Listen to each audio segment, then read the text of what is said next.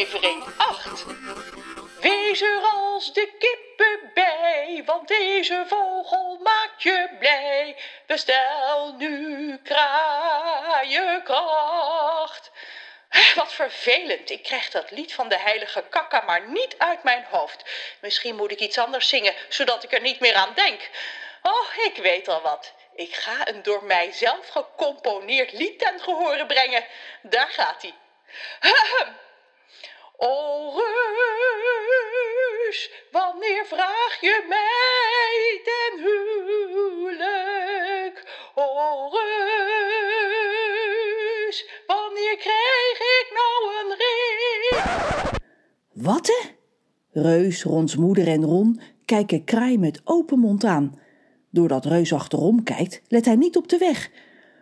Pas op, gilt Rons moeder. En Reus kan nog net voorkomen dat het busje de auto in de baan naast hen ramt. Kraai wil je voortaan even waarschuwen als je met dit soort onthullingen komt? Reus veegt het zweet van zijn voorhoofd en de zeemermin op zijn wang heeft van schrik haar handen voor haar mond geslagen.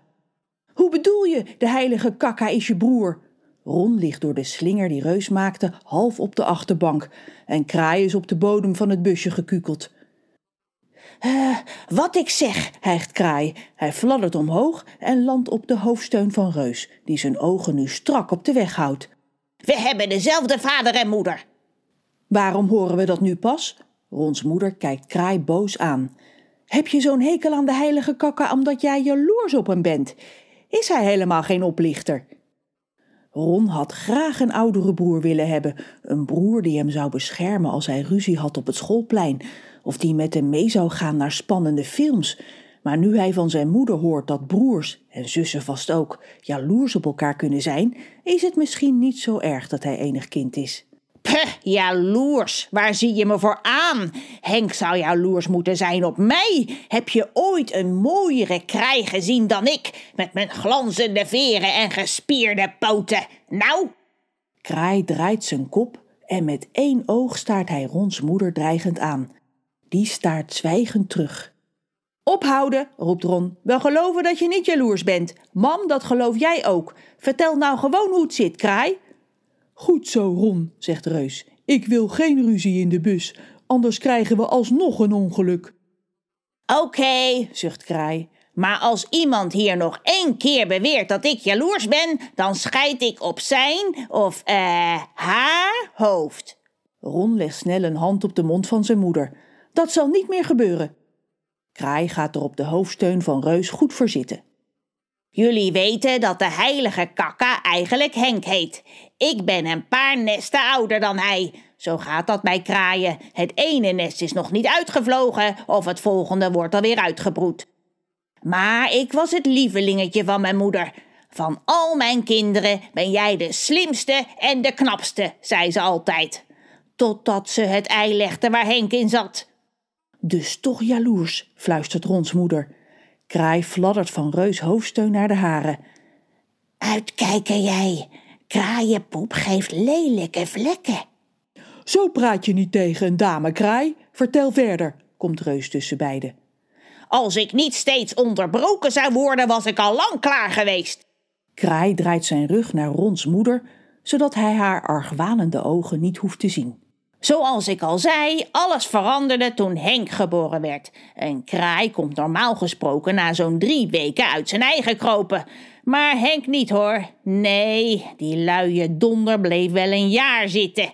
En mijn moeder maar broeden. Alle andere kraaien zeiden: Joh, hou ermee op. Gooi dat eiennest uit, er zit duidelijk een nietsnut in.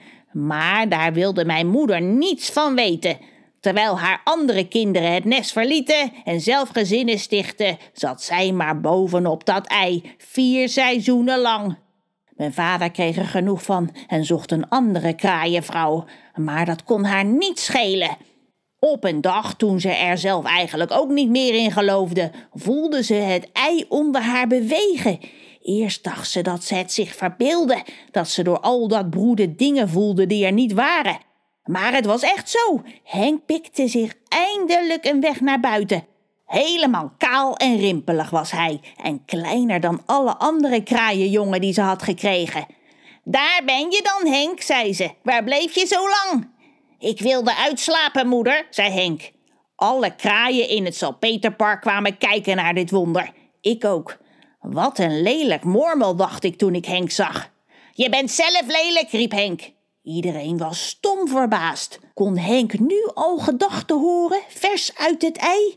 Andere kraaien kunnen dat pas als ze in de puberteit komen. Mijn broertje was dus bijzonder. En mijn moeder wist zeker dat dat kwam omdat hij zo lang in zijn ei had gezeten. En ik was haar lieveling niet meer, dat was Henk. Wat hij ook uithaalde, zij praatte het goed. Dankzij zijn sterke kraaienkracht wist hij waar de mensen die aan het park woonden hun kostbare spullen bewaarden. Als hij zich concentreerde en aan ze dacht, vloepte zo hun gedachten bij hem naar binnen. Toen hij een keer thuis kwam met een diamanten ring die hij uit een van die dure huizen had gestolen, zei mijn moeder niet dat hij de ring moest terugbrengen. Nee, ze bedankte hem omdat hij zo'n mooi cadeau voor haar had meegebracht.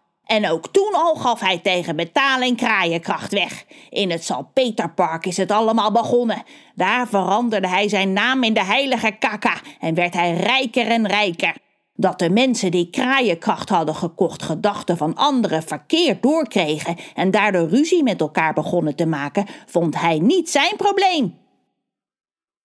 Nee, Kraai was niet jaloers op Henk, dacht Ron. Of misschien een beetje. Maar als hij een broer zou hebben die door zijn moeder werd voorgetrokken, zou hij dat zelf ook niet leuk vinden. Waarom heet Henk eigenlijk Henk en heet jij gewoon Kraai? vraagt Rons moeder. Heb jij geen naam gekregen toen je geboren werd? Eh, jawel. Beloven jullie dat jullie niet zullen lachen? Beloofd, roept Ron, ook al weet hij niet zeker of hij zich aan zijn belofte kan houden. Ik uh, heet eigenlijk. Uh... Zeg het, Kraai. Uh, ik heet. Uh... Schattenbout. Wat? Schattenbout. Ron is even stil en barst dan, ondanks zijn belofte, in lachen uit. Schattenbout, dat is toch geen naam?